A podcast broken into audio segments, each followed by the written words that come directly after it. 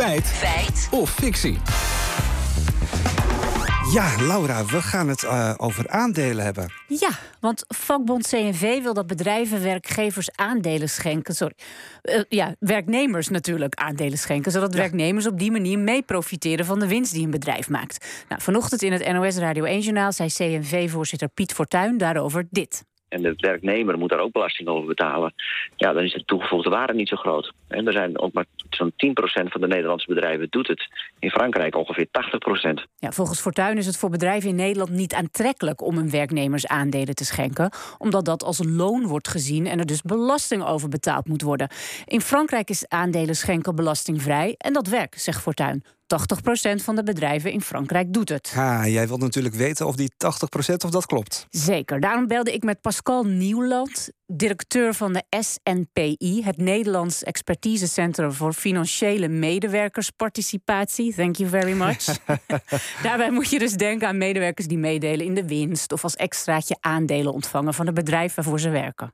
Vorige week is er net een onderzoek uitgekomen van de Universiteit Utrecht, waarin ook weer nieuwe data staat over de situatie in Nederland.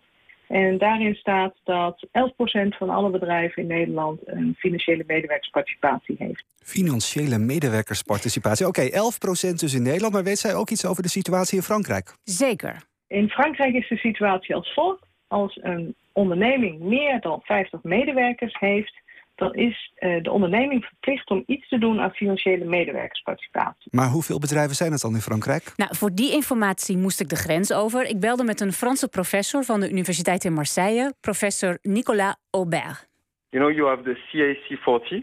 So the CAC 40, I think it will be like 100% of the company they have employmentship, like L'Oréal. Ja, Engels met een Frans accent, dat blijft toch altijd een dingetje. Kun je het misschien even vertalen voor ons? Nou, Aubert vertelt hier dat vooral bij de 40 grootste beursgenoteerde bedrijven er veel medewerkers zijn met aandelen van het bedrijf waarvoor ze werken. Oké, maar dat zijn niet uh, eh, 80% van de Franse bedrijven, toch? Ja, om dat te checken belde ik nog even met Maarten de Bruin. Hij werkt al 22 jaar in Frankrijk, leidt daar een softwarebedrijf en is bestuurder van het Nederlandse Business Council in Frankrijk.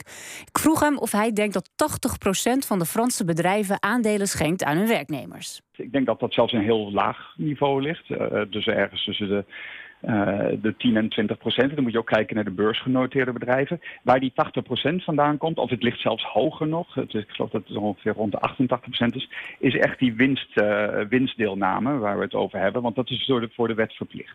Oké, dus als ik het goed begrijp, 80% van de Franse bedrijven doet aan winstdeelname voor medewerkers. Maar dat hoeft niet per se in de vorm van aandelen te zijn. Precies. Overigens zal die 80% volgens professor Aubert nog fors toenemen. Want na stakingen vorig jaar en begin dit jaar februari ligt er een nieuw wetsvoorstel. And the proposal is to decrease this level to 10 employees.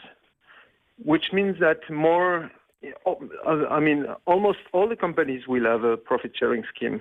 Oké, dus binnenkort moeten bijna alle bedrijven in Frankrijk hun medewerkers mee laten delen in de winst. Ja, inderdaad. Dus ja, nou, voor de draad er dan maar mee. In Frankrijk schenkt 80% van de, van de bedrijven aandelen aan haar werknemers. Is dat feit of fictie? 80% van de bedrijven in Frankrijk laat haar werknemers meedelen in de winst. En dat is waarschijnlijk ook waar Piet Fortuyn van vakbond CNV op doelde. Maar het ging in het Radio 1-journaal over bedrijven die aandelen schenken aan hun werknemers.